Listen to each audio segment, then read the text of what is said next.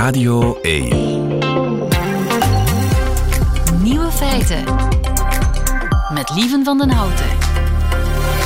Dag en welkom bij de podcast van Nieuwe Feiten van 4 november 2022. In het nieuws vandaag dat er zelfs voor Kanye West zoiets bestaat als karma. Kanye heeft het de voorbije weken wel heel erg bond gemaakt. Hij tweette antisemitische berichten. Zei bijvoorbeeld ook dat George Floyd stierf door een overdosis en niet door politiegeweld. En maakte t-shirts met daarop de tekst White Lives Matter.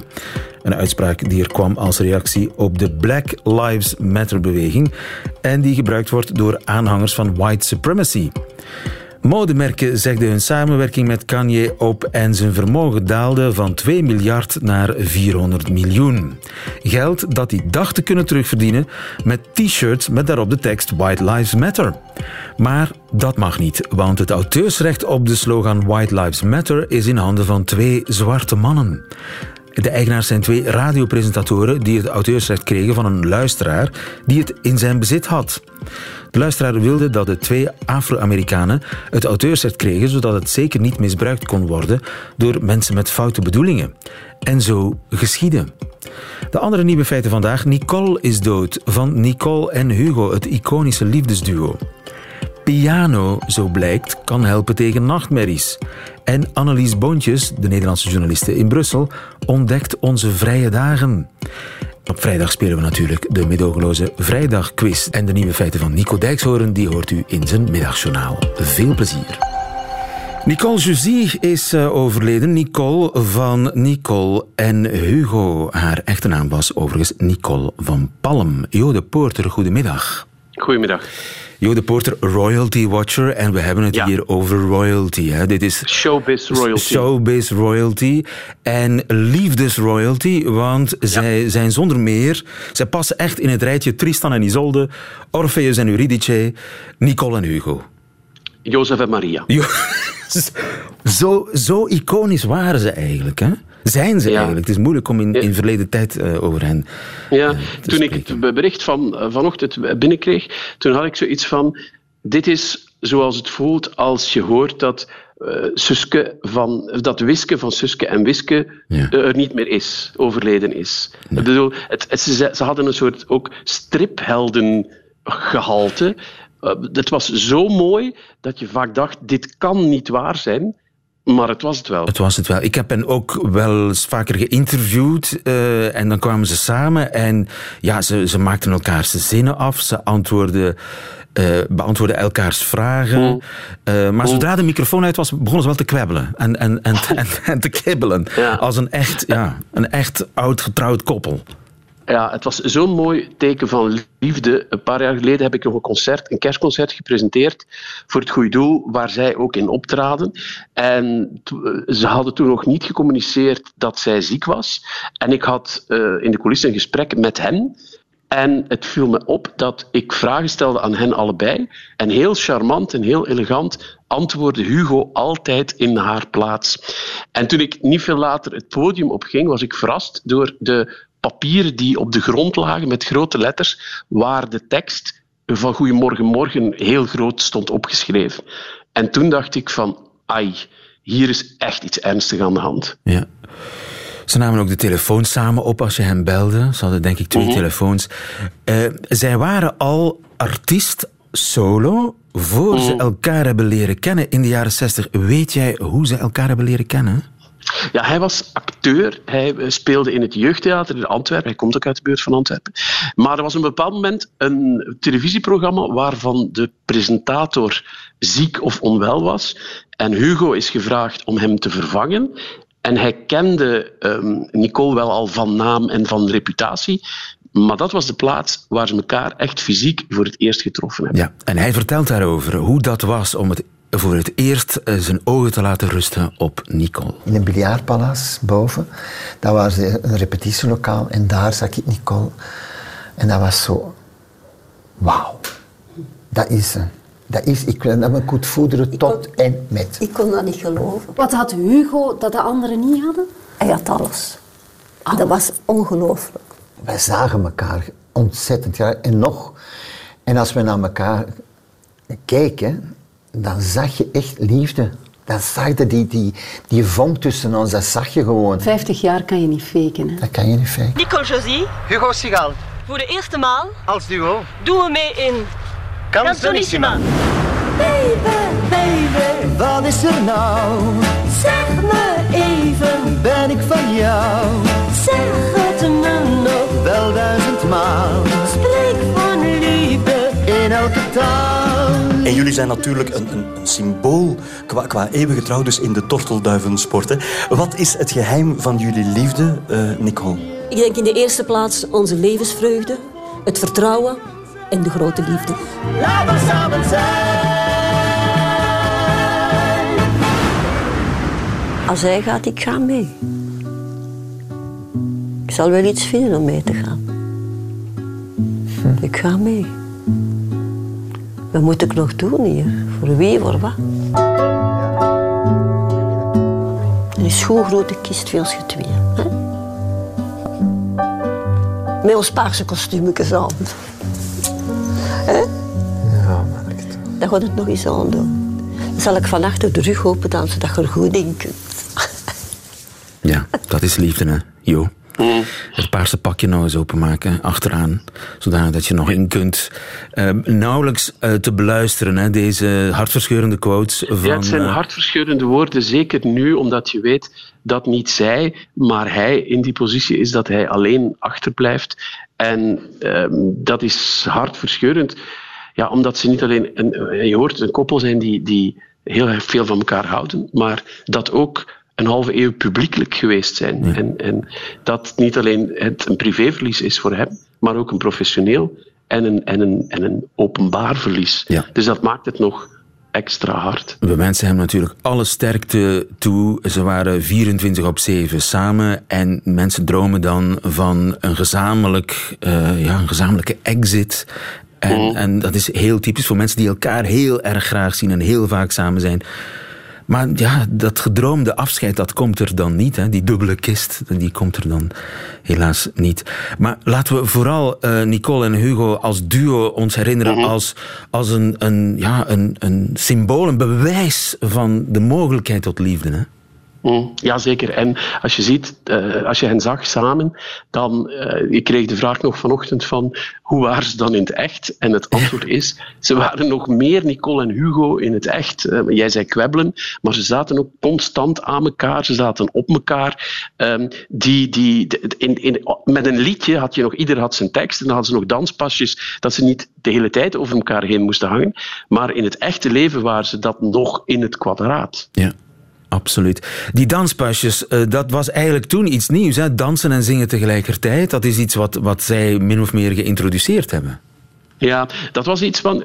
Dat ze het geïntroduceerd hebben, dat betwijfel ik. Dat was iets wat heel veel artiesten, ras-echte variété-artiesten, wat zij echt wel waren, uh, in de jaren 50, 60 en 70 courant deden. En dat heeft eigenlijk, zij hebben dat eigenlijk tijdloos gemaakt en hebben dat binnengesluist in de jaren 70, de jaren 80 en, en lang daarna. Ze hebben de en jaren 70 wel... uitgevonden, hè? laten we wel weten. Ja, en hun verdienste is dat ze die variété-kwaliteit nooit losgelaten hebben. En dat ze dat mee naar vandaag getrokken hebben. En andere collega's van hen zijn daar helaas niet toe in staat geweest. Maar zij twee, door hun talent en dat ook gemengd zat met die relatie die ze samen hadden en met die liefde die er, die er tussen hen was, ja, hebben dat veel langer kunnen volhouden dan de meeste anderen. Ja, vandaar ook hun doorstart eigenlijk. In de, in de jaren 2000 uh, hebben ze nog uh, met uh, de pastorale een liedjeswedstrijd gewonnen. Dat was een late bloei ook nog in hun carrière. Ja, en ze zijn, als je, als je naar hun carrière kijkt, dan zie je dat ze heel traditioneel begonnen zijn en dat je inderdaad dat er een aantal doorstartmomenten geweest zijn. Uh, bijvoorbeeld ook op een bepaald moment was er minder werk in het binnenland en zijn ze de zeeën gaan bevaren, zijn ze op cruiseschepen gaan zingen. En ik herinner mij dat Nicole daarover zei, we hebben iedere stad die ergens aan een water ligt ooit wel bezocht en dat zijn van de mooiste jaren van ons leven geweest. Dus die cruiseschepen zijn er gekomen op het moment dat het in Vlaanderen wat minder En dan hebben ze, zich, hebben ze meegedaan in die coverwedstrijd. Zo is er maar één. En daar hebben ze met een heel moeilijk nummer, wat aan twee andere grote artiesten samen uh, vasthangt. Ramses Shaffi en Lisbeth List. Ja, die absoluut geen koppel waren. Maar hebben daar een versie van gemaakt, hebben zich dat eigen gemaakt en daarin weer dat talent en dat succes opnieuw heruitgevonden. Want ze konden wel zingen, hè? zeker zij was, zij was de betere zangeres, mag ik dat zo zeggen? Ja, zij was de betere zangeres, maar je ziet dat ze... Uh, hij was misschien wel de iets beter danser, maar ze hielden zich wat dat betreft in voor elkaar. En ze, het succes van een duo in heel veel um, omstandigheden, uh, presenteren op de televisie, zingen, optreden, is dat je elkaar de ruimte en het succes gunt. Dat is het succes van ieder duo. En als dat natuurlijk kan ontstaan vanuit oprechte liefde voor elkaar, en dat je niet alleen de ander die plaats gunt, maar dat je wil dat hij meer straalt dan jij, dan krijg je natuurlijk een, een belangrijk ingrediënt van de succesformule die Nicole en Hugo jarenlang geweest zijn. Ja. Wat ik zo mooi vond, is dat, dat zij eigenlijk altijd de lagere partij zongen, hij de hogere partij. Dat vond ik heel speciaal aan Nicole en Hugo. Uh, we wensen uh, Hugo alle sterkte toe van op deze plek. We zullen Nicole Josie nooit vergeten. Uh, we gaan uit haar solo-periode, heel vroeg in de jaren 60, iets van Nicole Josie draaien. Trop. Dankjewel, Jode Porter. Goedemiddag.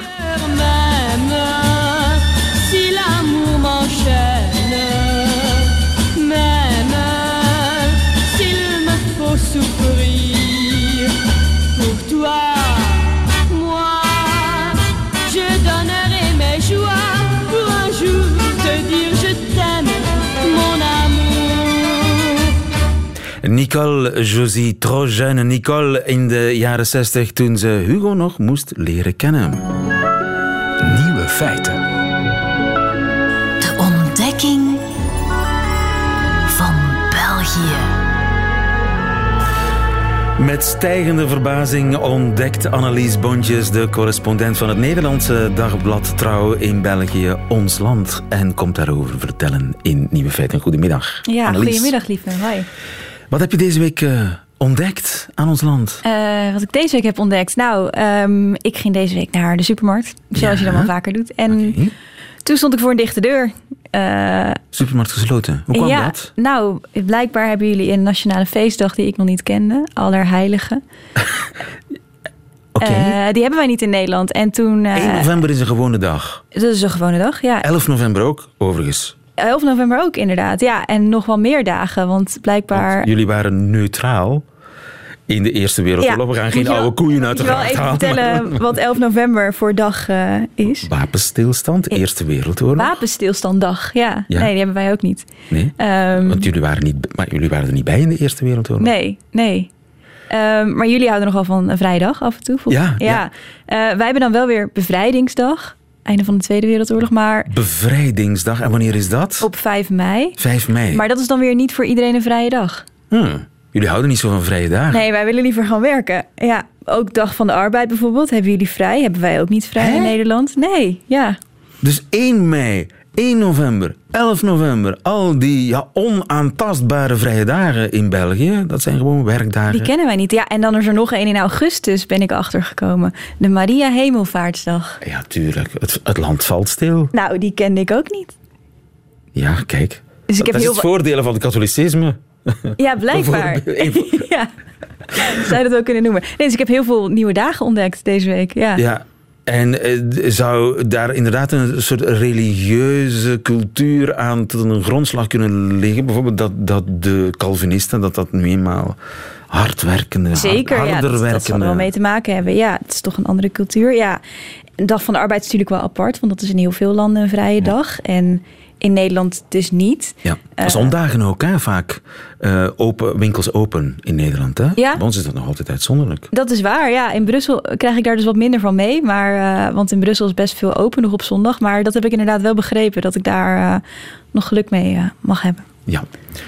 Of, of misschien is dat juist een goede zaak dat de winkels dicht blijven. Een beetje, een beetje zondagsrust. Rust? Ja, zondagsrust. rustig. En ook niet werken dan. Dus nee, niet schoonmaken, niet rijden. Jawel hoor. Oh, okay. Maar dat doe je toch een klein beetje stiekem. Want dan is, er is wel een spreekwoord dat zegt dat op zondag eh, en smiddags hebben de, de luiaards alles nog te doen. Dus als je op zondagmiddag te actief bent, is het een beetje verdacht. Ah, oké. Dus jij doet op zondagmiddag niks? Officieel.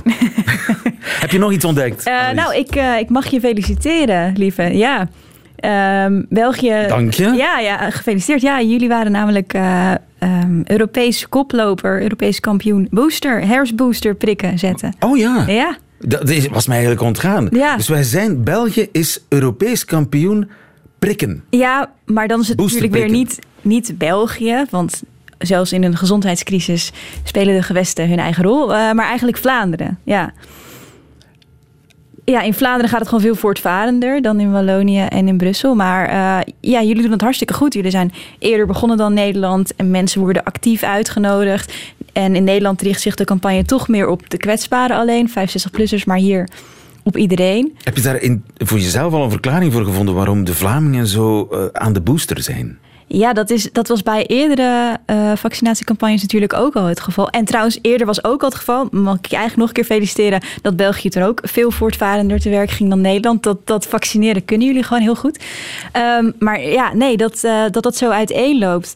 Ja, de, de bereidheid is in Wallonië en Brussel ligt gewoon een stuk lager. Ja, eh, waar heeft dat mee te maken? Ja, ik kan mijn vinger er nog niet op leggen. Er zijn wel dingen, denk ik, die meespelen.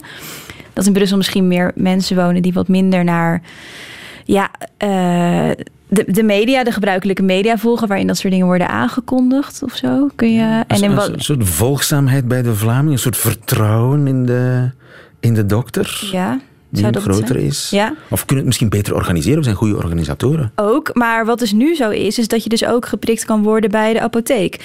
Want in Wallonië wonen mensen misschien iets verder weg van zo'n vaccinatiecentrum. Dus dan is de bereidheid om daar naartoe te gaan dus misschien ook wel weer een grote stap. Dus nu mogen apothekers ook die prik gaan zetten. Ja. Eh, dat nou, is in Nederland niet het nee, ook niet. Nee, dus dat is Nee, allemaal, eh, we doen het weer beter. Jullie doen het ontzettend goed.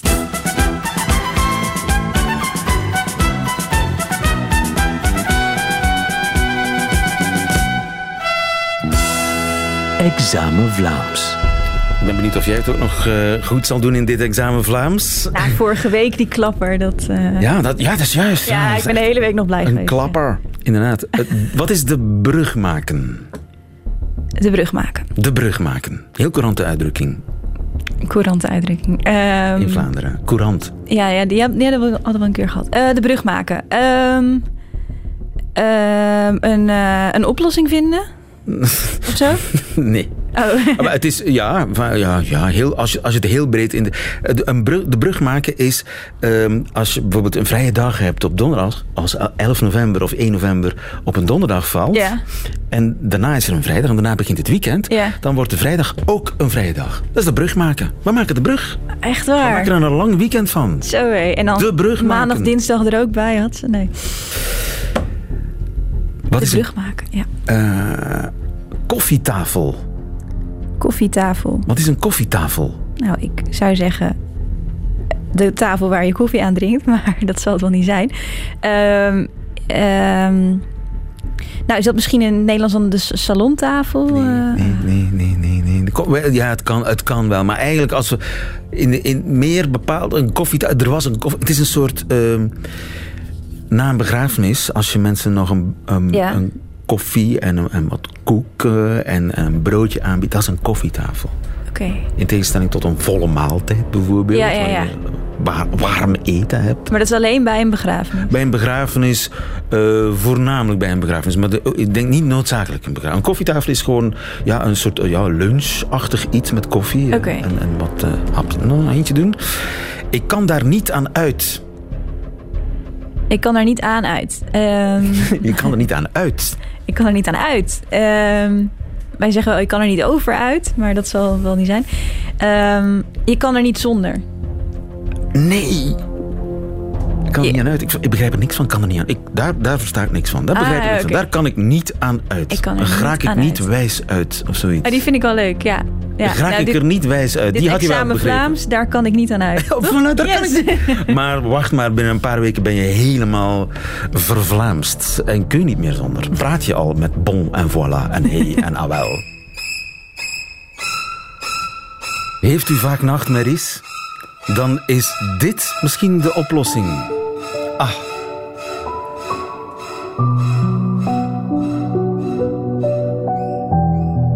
Het klinkt als kruidenvrouwtjeswijsheid, maar het blijkt uit ernstig onderzoek in Zwitserland. Piano helpt tegen nachtmerries. Inge de Klerk, goedemiddag. Goedemiddag, dag lieve. U bent uh, neuroloog, slaapexpert van het UZ in Antwerpen. En iedereen heeft wel eens nachtmerries, maar er zijn mensen die er quasi elke nacht hebben, hè? Ja, inderdaad. En als je uh, meer dan één nachtmerrie per week hebt en dat heeft gevolgen op jouw dagelijks functioneren, of bijvoorbeeld zelfs niet meer durven te gaan slapen omwille van die steeds weer terugkerende nachtmerries, dan noemen we het zelfs het nachtmerriesyndroom. En zijn dat mensen die een ramp hebben meegemaakt of een oorlog? Soms wel, ja. Het kan altijd. ook een ander trauma zijn dat oh, veel ja. verder teruggaat. Maar inderdaad, er bestaat zoiets als het posttraumatisch stresssyndroom. En dat zijn mensen die inderdaad een trauma hebben meegemaakt. Denk maar aan vluchtelingen. Ja. 80% daarvan. Vaak? Ja, uh, vaak. trauma's, er zijn er zoveel op dit moment. En daar hebben best ook heel veel mensen uh, het samengaand met het trauma, het nachtmerriesyndroom. Ja. ja. Maar het kunnen ook mensen zijn die een getroubleerde jeugd hebben gehad, die hun hele leven lang uh, meer dan normaal nachtmerries hebben. Dus mensen ja, zonder absoluut. echte, ja, in de enge zin van het woord posttraumatische stress, mm -hmm. uh, toch uh, ja, iets hebben waardoor zij nachtmerries krijgen. Nu, in Zwitserland hebben ze een experiment gedaan met mensen die geen PTSS hebben, hè, maar wel veel nachtmerries. Ja, inderdaad. Mensen die het nachtmerriesyndroom hebben. Ja. Dat is ongeveer 2 tot 8 procent van de bevolking. Uh, ze hebben inderdaad specifiek gewoon gaan kijken naar mensen die specifiek dat nachtmerriesyndroom hadden. En ze zijn gaan onderzoeken welke andere technieken dan de bestaande ze kunnen toepassen eigenlijk, ja. om dat te verbeteren. En hoe ging dat experiment? Wel, eerst een stapje terug. Er is natuurlijk, qua nachtmerries is er eigenlijk één techniek die al gevalideerd is, die echt werkt tegen nachtmerries. En dat is de, in het Engels, Imagery Rehearsal Therapy. Dus een nachtmerrie-herhalingstechniek. Dat is bekend. En hoe um, werkt dat? Dat werkt dat je, dus je gaat één nachtmerrieverhaal opschrijven. Bijvoorbeeld, je wordt ergens midden in de nacht angstig wakker van die nachtmerrie, hè, want dat is een nachtmerrie. Het is een verstorende droom, het heeft een vreselijke inhoud. Je zit in een martelkamer.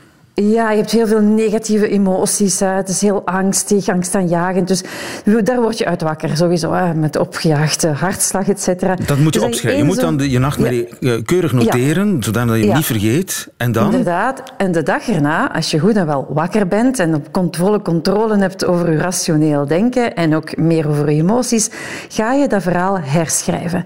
En dan ga je elk negatief element uit dat nachtmerrieverhaal positief maken en natuurlijk vooral daar een positief happy end. Breien. Een happy, happy end, end aanbreien.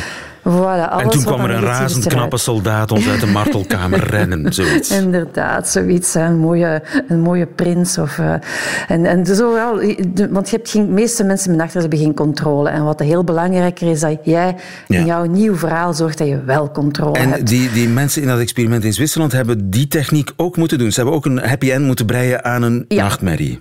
Ja, ja, dus dat was dat is één, want dat is een gevalideerde techniek. Maar het is waar dat ongeveer um, twee à drie op tien geen effect heeft van die nachtmerrieherhalingstechniek. Nu, wat heel belangrijk daarin is, je herschrijft het, maar je moet ook wel inpeperen, je moet het inoefenen. Dus je moet met dat positief verhaal minstens vijf en liefst tien of zelfs meer minuten per dag bezig zijn om het echt ook in, in jouw geheugen te laten uh, in, inwerken. Ja. En het effect daarvan, en dat is misschien een beetje een minpunt aan de studie, kan twee tot zes weken op zich laten wachten. Dus je moet het soms zes weken elke dag, elke dag doen. En wat hebben ze nu gedaan in die studie? Ze gaan kijken, oké, er is 30% volgens hun gegevens die niet antwoordt. Wat kunnen we doen om toch een extra um, versterking te geven aan de bestaande techniek? Hè? Dus we zijn vertrokken van de gekende techniek en ze hebben er een aan toegevoegd. Ja, een piano. Laat mij raden. voilà, zo, zoiets ernaast. Nee. Enter the piano. Oké. Okay. Ja, dus het idee erachter is dat als je, uh, en dat noemt dan uh, um, een soort van een, een, um, een, een, een extra geheugensteuntje, uh, ben ik even de, de, de naam ervan kwijt, TMR in het Engels. Pavlov, um, zoiets? Is, heeft, heeft het daarmee te maken? Dat is een Pavloviaanse reflex ja, kweken met piano? Voilà, inderdaad, komt erop neer. Als je overdag bezig bent met dat positief verhaal, dat zij dat dus geassocieerd hebben aan een sound. En het idee is elke keer als je met het verhaal bezig bent, de sound activeert het geheugen van het verhaal. Dat is inderdaad een soort van een positieve conditionering. En wat ze dan gaan doen zijn, is als de mensen s'nachts in hun remslaap waren, en daarvoor droegen ze zo'n specifieke band die dan hopelijk zo accuraat mogelijk die remslaap kan uh, opsporen, uh, gingen ze om de 10 seconden zo van die, uh, diezelfde geluiden associëren met hun remslaap, met het idee, aangezien het geheugen, geheugen voor het positief verhaal geactiveerd werd tijdens de dag, zal ook de toediening van die toon tijdens de remslaap ervoor zorgen dat die positieve associatie geactiveerd wordt. Oké, okay, dus ze krijgen een soort high-tech haarband om die op het juiste ja. moment in de slaap piano speelt. Ja, inderdaad. Ja, het is dat. Ja. En de, namelijk dat pianogeluidje dat, uh, dat ze overdag geassocieerd hebben met hun positief verhaal. Ja, dat, dat is inderdaad. En worden, worden ze daar niet wakker van? van dat, uh... ja, wel, ik was, dat is een eerste vraag die ik mij ook stelde. Ik zeg van, welke mate impacteert dat dan de remslaapkwaliteit? Maar volgens hun gegevens niet. Nu, er zijn wel geen polysomnografische gegevens bij. Dus dat wil zeggen, ze zijn niet geen echte volledige slaapregistratie gedaan. Ze hebben alleen die slaapband gebruikt. Ja. Dus dat is misschien ook wel een beetje een Ja, maar zacht genoeg om, om, het, zeg ja. maar, om het aan het brein te laten weten, zonder, zonder. maar niet uh, te hard, zodat de persoon in kwestie niet wakker wordt. Inderdaad, ja. En werkt dat nu? Wel, volgens hun gegevens wel. En er zit wel inderdaad interessant gegeven in. We weten dat nu, het komt mij terug uit Targeted Memory Reactivation. Hè. Dus door een cue gaat je het geheugen reactiveren tijdens de remslaap. Dat is een techniek die al gebruikt wordt om opslaan in het geheugen um, te bevorderen. En sommige studies tonen zelfs aan dat dat tot 35 procent dus het opslaan in het geheugen, dus de geheugenfuncties kan verbeteren. Dus de techniek op zich voor, voor aanleren ja. is wel al bekend. Ja, natuurlijk, dus, zoals je bepaalde liedjes met bepaalde situaties associeert, omdat je voilà. toen in die situatie constant dat liedje hoorde. Hè? Ja, en, en met geluid werkt dat het best blijkbaar inderdaad. Andere prikkels zouden ook wel werken, andere sensoriële prikkels zouden ook werken, maar met geluid werkt dat het best. Dus het idee erachter is, is mooi. En ja, volgens hun gegevens zien ze inderdaad um, vooral uh, de toevoeging van die, die geactivering, dus die, die targeten mijn geheugenactivering is vooral dat er meer positiviteit in de nieuwe dromen kwamen. Uh, dus niet, meer, niet minder negatieve emoties, maar wel meer positiviteit. Ja. Dus waar dat de, de, de, de, de rehearsal, dus de, de herhalingstechniek, het positief controle nemen over je eigen nachtmerrieverhaal, vooral een positief effect heeft op het verminderen van de angst, want je krijgt meer controle over angstonderdrukking en dat is juist wat er misloopt bij nachtmerries, zal die extra techniek erbij de uh, meer positiviteit in de dromen gaan ja. brengen. Dus goed nieuws, alleen ja, het lijkt mij uh, niet goedkoop zo'n high-tech haarband. Nee, nee, ik zie het nog helaas nog niet onmiddellijk toe te passen in de dagelijkse... De ziekenkast komt daar niet intussen, denk ik. Nee, niet echt, nee. Ja, het is ook wat is in welke mate is dat allemaal al gevalideerd? Ja, het is een eerste stap natuurlijk, ja. uh, maar dat kan ja. ooit wel...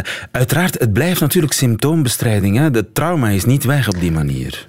Wel, um, het is wel zo dat als je bijvoorbeeld, en dan gaan we terug naar het posttraumatisch stresssyndroom, als je de nachtmerries behandelt, behandel je ook voor een stuk het, uh, de PTSS. Ja, ja, dus, dus zeker wel zo dat het behandelen van de nachtmerrie wel een therapeutisch effect heeft op, uh, op de onderliggende aandoening. Ja omdat je dus echt wel ook cerebraal nieuwe geheugensporen gaat maken. Ja. En daardoor eigenlijk inderdaad... Maakt nieuwe circuits in de hersenen, zodanig dat dat, uh, dat constant uh, in overdrive gaan, dat dat wat vermindert. Nee, je moet natuurlijk ook heel belangrijk, als er ook overprikkeling bij is, mensen die daarbij ook nog een heel stressy leven hebben en constant op de tippen van hun tenen lopen, ja, dat maakt ook, dat is ook een, een, een, een van de redenen waarom dat mensen ja. nachtmerries doen. Dus chronische stress moet je natuurlijk ook tijdens de dag heel hard gaan ja. um, verwerken. Het is iets complex natuurlijk, zo'n uh, ja. nachtmerriesyndroom. Maar misschien dat piano kan helpen, blijkt uit een uh, experiment in Zwitserland. Inge de Klerk, dankjewel. Goedemiddag. Met veel plezier, dag.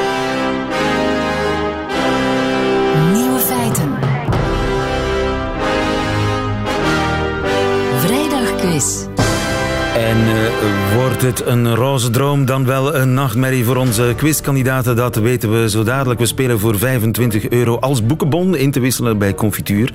Een uh, boekhandelaar aangesloten bij Confituur. We spelen onder meer met John. Goedemiddag, John. Goedemiddag, Lee. John uit Gaveren, waar was je mee bezig? Uh, ja, niks meer uit. Niets? Ah, niks, ja. Relaxen, hè. Relaxen. Voetjes op, uh, sigaartje opgestoken, voetjes op uh, de tafel. Want ja, ongeveer. Hè. John Dont is gepensioneerd, uh, waarvoor dank. En natuurlijk, ja, geniet ervan, hè, van je pensioen. je speelt tegen Sabine. Sabine van Horenbeke. wat was jij aan het doen? Wel, ik was eigenlijk aan het eten en dan voorbereiding voor het eten van vanavond, dat was uh, het volgende dag geprogrammeerd stond. Eten is belangrijk voor Sabine van Horenbeke uit Asnede. Oké, okay, laten we, want de tijd... Uh, wat was je aan het eten? Want dat moeten we toch echt weten, hè, Gilles? Wel, twee keer in de week uh, eet ik geen brood en dan eet ik, eet ik kefir met vers fruit. Kefir met vers fruit in Assenede, weten ja. ze wat lekker is. Goed, ik ga jullie kennis testen van vier nieuwe feiten. Ik begin bij John, die zich eerst heeft gemeld. En zolang hij goed antwoordt, uh, blijft hij aan de beurt. Bij een fout antwoord gaat de beurt naar Sabine. En wie het laatste nieuwe feit goed kent, die wint deze quiz. Maar de jury verwelkomen we natuurlijk ook eerst als Gilles Wijkmans, jury Hallo. en samensteller van deze quiz. Laten we eraan beginnen.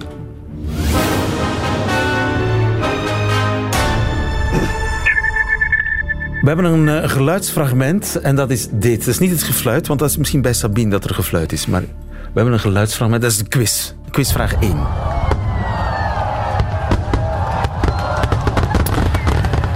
Op uh, Spotify is een uh, afspeellijst gemaakt met opnames van vuurwerk. Wat is daarvan de bedoeling van, John? Is dat A, een afspeellijst van de New Year's Appreciation Society? B, is dat bedoeld om je honden ermee voor te bereiden op vuurwerk? Of is die afspeellijst met vuurwerk gemaakt door bewoners van een appartementsgebouw?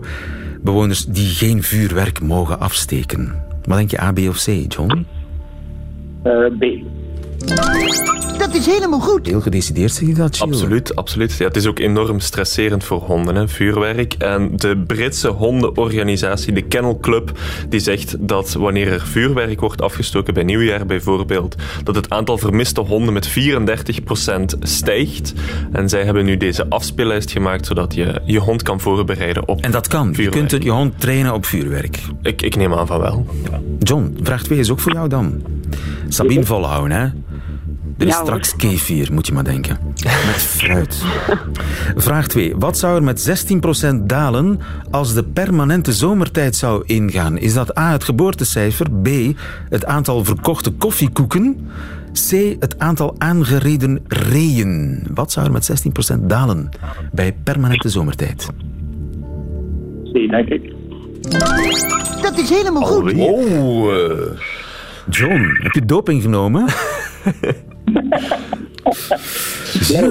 Ja, het is, eh, de Amerikanen die schakelen dit weekend over op eh, wintertijd. En dan zien ze dat het aantal aangereden reeën daar stijgt. En dat heeft met twee dingen te maken. Ten eerste natuurlijk, het is vroeger donker en de automobiel is te zien minder. Ten tweede, Amerikaanse reeën en vooral de mannetjes dan, die gaan op dit moment op zoek naar een partner. Dus die zitten de hele tijd rond te wandelen.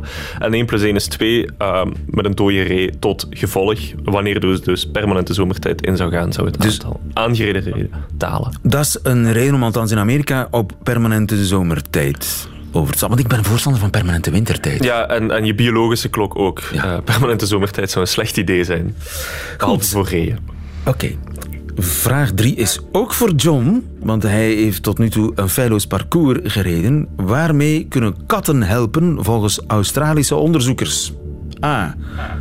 Het oplossen van moorden. B. Het opladen van elektrische auto's. C. Je kinderen betere schoolpunten laten behalen. Waar zijn katten goed voor? A, B of C? Pak er A. Dat is helemaal goed. John, het lijkt alsof je... Alsof je ons gehackt hebt. Ja, heb jij ons gehackt, John? Vanuit Gaveren? Gilles? Ja, die onder- onderzoekers die hebben gekeken naar bevatten katten DNA van hun baasjes. En dan bleek inderdaad dat 80% van de katten DNA van hun baasjes op hun vacht hebben. En zelfs niet alleen van hun baasjes, ook van mensen die gewoon even op bezoek komen. Daarvan hebben ze DNA op hun vacht. Dus die onderzoekers zeggen als je een moord aantreft in een huis... Check de kat. Check de kat, want die heeft misschien het DNA van de moordenaar in zijn vacht zitten. Katten kunnen veel, maar dus eh, nog meer dan, u, dan we al dachten, namelijk helpen bij het oplossen van moorden. Dit wordt een klapper, een vierklapper van formaat als je ook vraag 4 goed hebt. Sabine, denk aan de kefir. Ja, John. Vraag 4. Hawaïaanse onderzoekers ontdekten dan toch één voordeel aan klimaatverandering. Welk?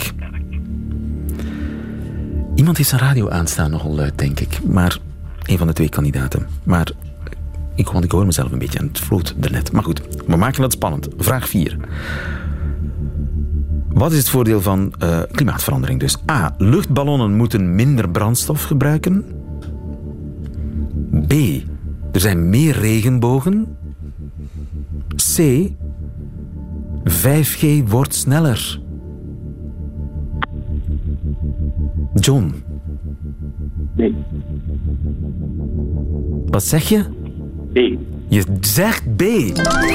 Dat is helemaal goed. Een home run. Een home run als het ware. Wauw, dat betekent wij hebben een winnaar.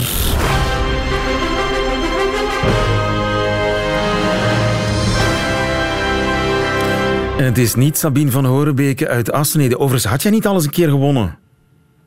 Ik had al eens gewonnen eh, begin vorig jaar. Wauw. Maar dus nu kwam je er helaas niet aan te pas, Sabine. Nee, het is John gegund. Het is John gegund, heel sportief van Sabine uit eh Assenede. John uit Gavre. Meer regenbogen, was dat een gok? Eh, ja, de meeste mensen, denk ik. Alle antwoorden, denk ik, ja. Komen er meer regenbogen, Gilles? Ja, volgens die onderzoekers wel ehm 5% meer om eh, specifiek te zijn. En dat zou komen omdat ja, in gebieden waar er heel veel sneeuw valt, dat wordt dan regen door klimaatverandering. En meer regen betekent natuurlijk ook meer regenbogen. En Behalve- overal? Nee, in het Mediterraans gebied niet, want daar gaat het gewoon droger worden. Dus daar zullen ze het met minder regenbogen moeten doen. Maar over de... eh, Globaal gezien gemiddeld zal het, ja, zal het aantal regenbogen stijgen. stijgt het aantal regenbogen. Dat is een schrale troost natuurlijk. Hè? Een heel zeer schrale troost. John, gefeliciteerd. 25 euro boekenbon. Weet je al welk boek je gaat kopen? Eh geen flauwe dag. Iets met eh, hoe, hoe kom ik de dag door als gepensioneerde? een soort doe, doe het zelf gids. Daar was al voor de kleinkinderen. Iets voor de kleinkinderen is altijd een goed idee. John Dont, nog eens gefeliciteerd met je boekenbon. Je wint deze vrijdagquiz. Volgende week is er weer een vrijdagquiz. Dankjewel, Sabine en John, voor jullie sportieve deelname. Nieuwe feiten. Radio 1. En dat waren ze, de nieuwe feiten van 4 november. Alleen nog die van Nico Dijkshoorn, die krijgt u nu in zijn middagjournaal.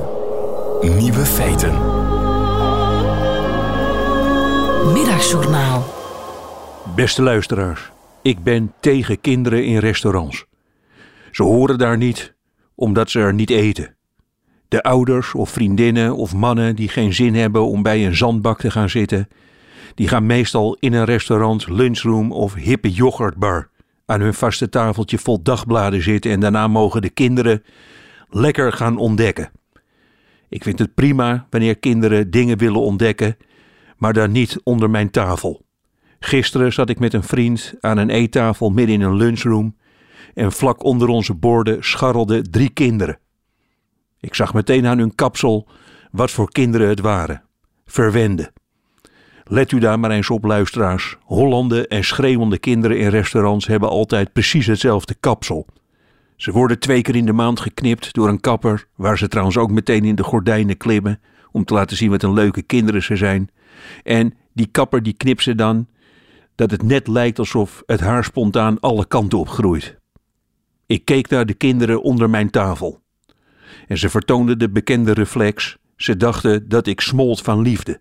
Net zoals hun ouders de hele dag smelten van liefde.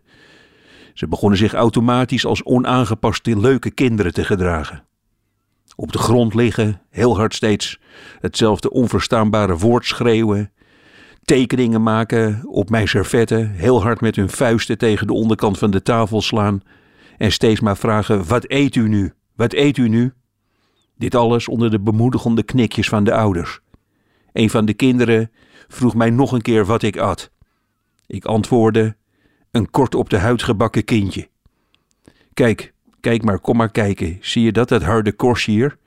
Daar hebben ze het kindje, ongeveer zo'n kindje als jij, denk ik, even heel hard met zijn vang in de pan gedrukt, zodat je een lekkere bite hebt. Wat ernaast ligt, dat is een bosuitje. Die combineren heel goed met gebakken kind. Het werd stil naast het tafeltje.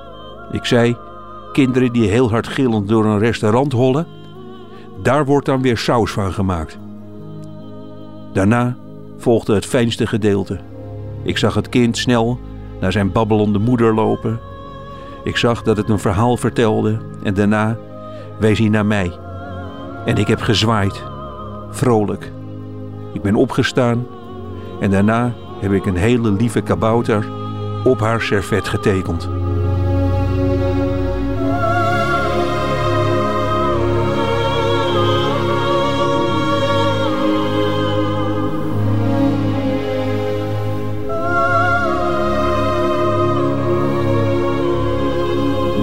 Kortom, Nico Dijkshoorn is tegen kinderen in restaurants. Einde van deze podcast. Hoort u liever de volledige nieuwe feiten met de muziek erbij? Dat kan natuurlijk live elke werkdag op de radio. Radio 1 tussen 12 en 1. Of on demand via de Radio 1 website of app. Tot een volgende keer.